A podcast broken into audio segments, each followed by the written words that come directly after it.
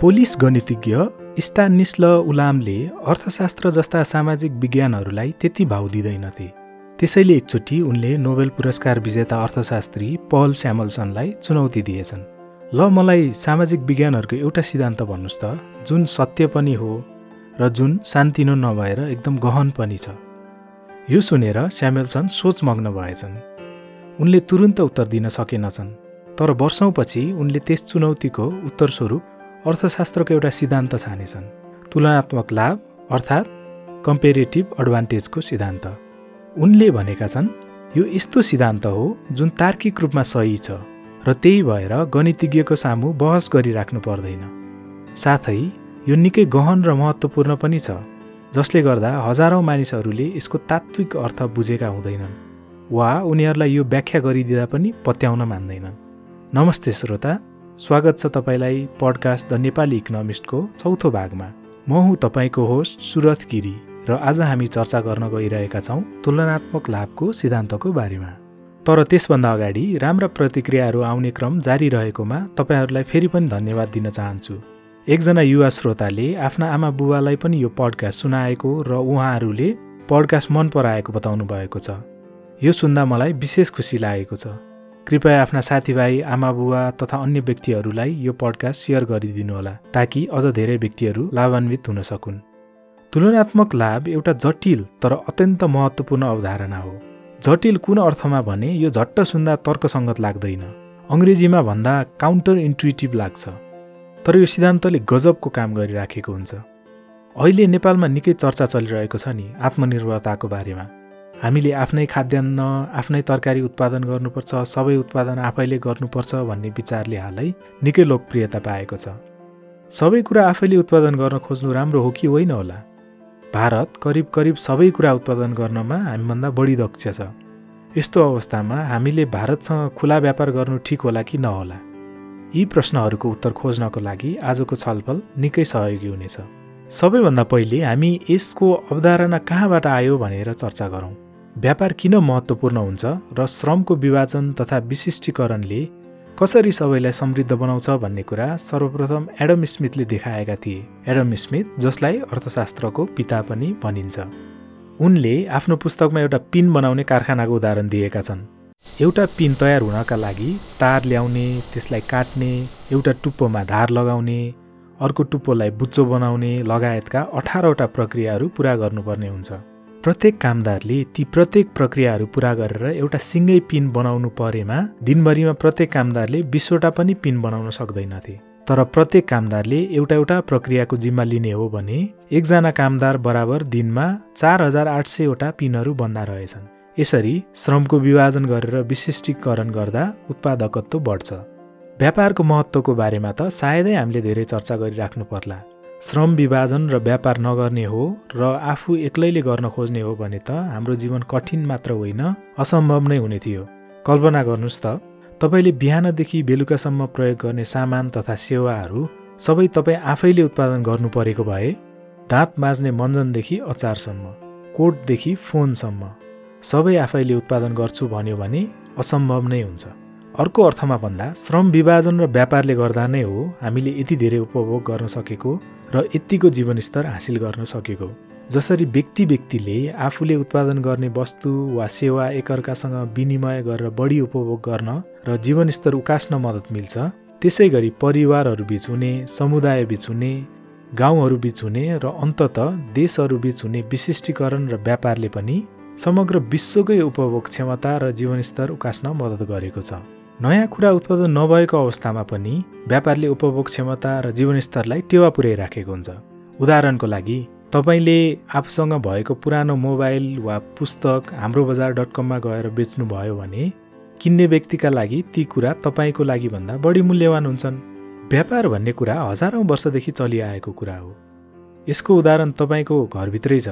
एकचोटि आफ्नो भान्सा कोठामा गएर हेर्नुहोस् त।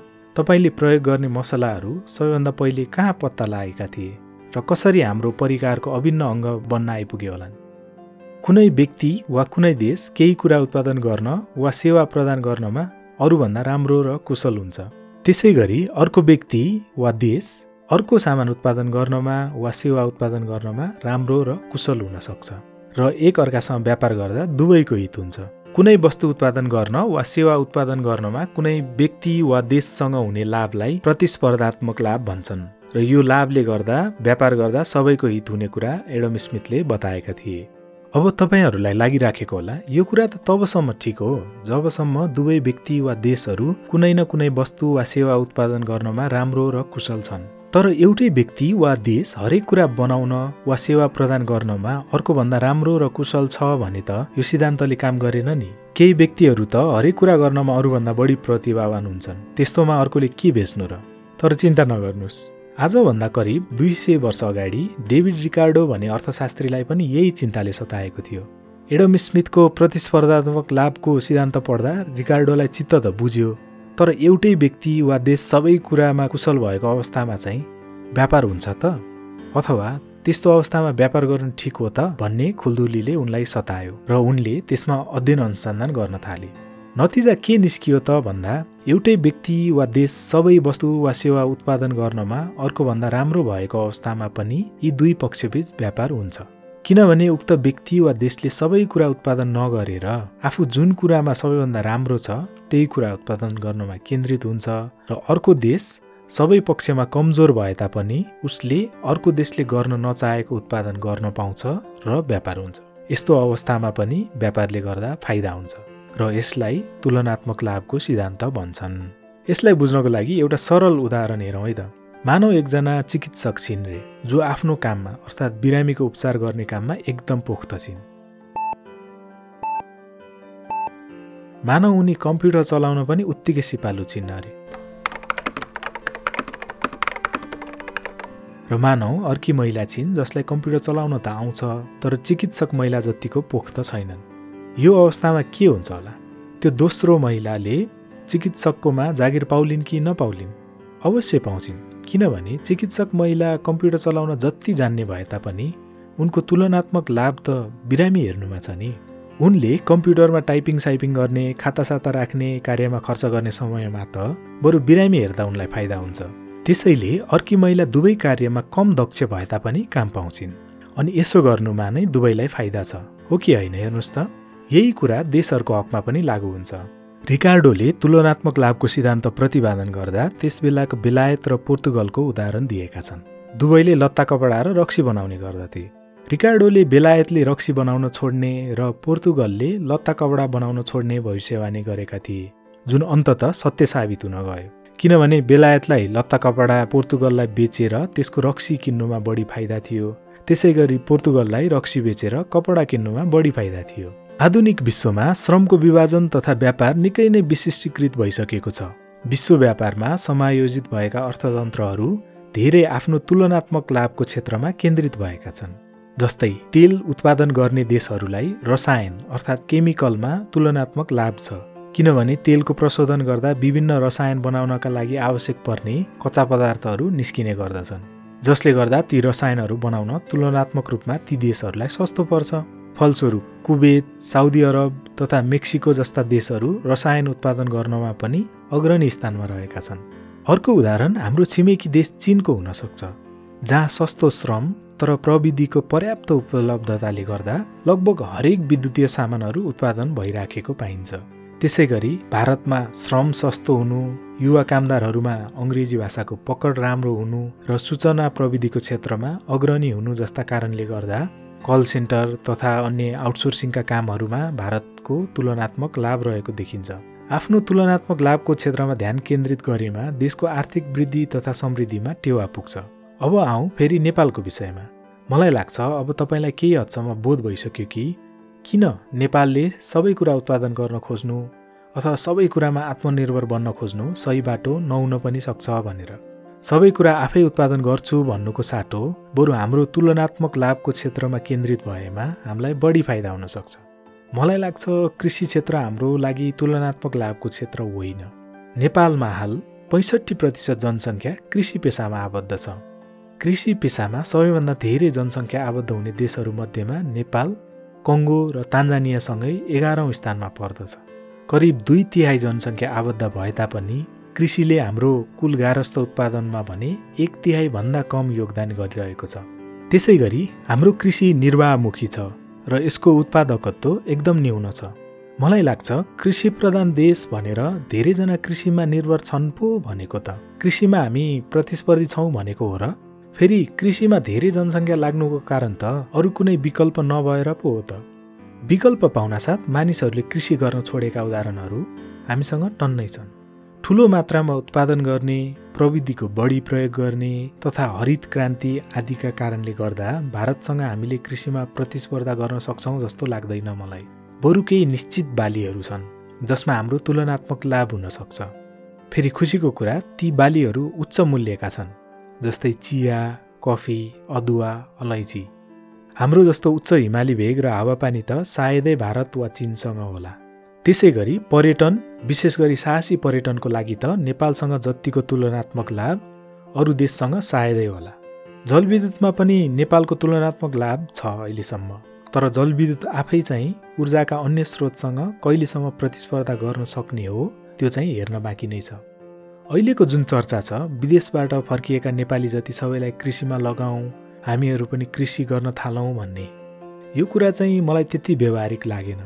अब सोच्नुहोस् न जसले यी सबै कुरा गरौँ भन्दै सामाजिक सञ्जालमा भनिरहेका छन् उनीहरूमध्ये कतिले चाहिँ कृषिमा साँच्चै लाग्छन् होला त? सायदै कोही लाग्ला। किन? किनभने हामी अधिकांशको हकमा कृषिमा लाग्नुको अवसर लागत निकै उच्च हुन्छ। तर तपाईँले सोचिराख्नु भएको होला तर यसमा खराबी के छ त? हामी तिन करोड मान्छे छौँ सबै क्षेत्र भ्याइहाल्छौँ नि। यसको बेफाइदा के हुन्छ भने भाग दुईमा हामीले कुरा गरेको जस्तै स्रोतहरू सीमित हुन्छन्।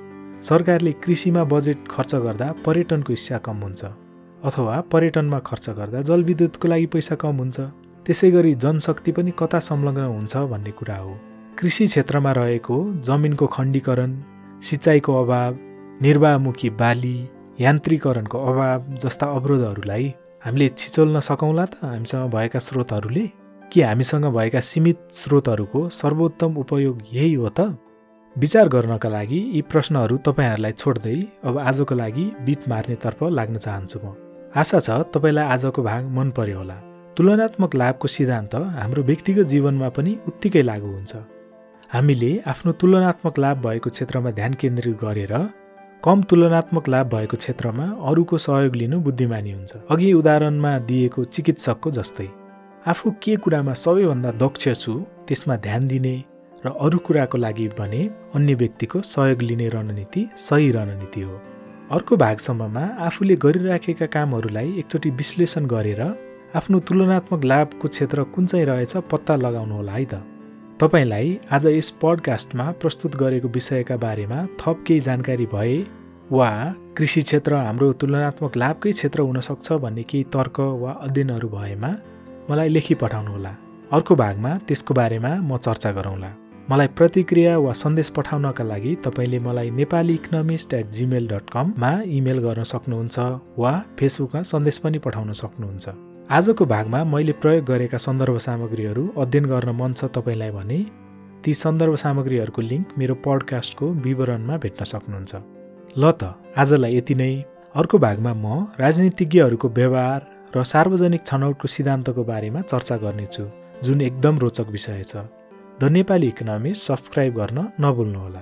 र जाँदा जाँदै अर्थशास्त्री जोसेफ सम्पिटरको यो भनाइ राख्दै म बिदा हुन्छु। नमस्ते। राजनीतिज्ञहरू भनेका एउटा असक्षम घोडसवार जस्ता हुन् जो घोडाको पिठ्यौमा टिकिरहनको लागि यति तल्लीन हुन्छन् कि उनीहरूलाई आफू कता गइरहेको छु सँग मतलबै हुँदैन।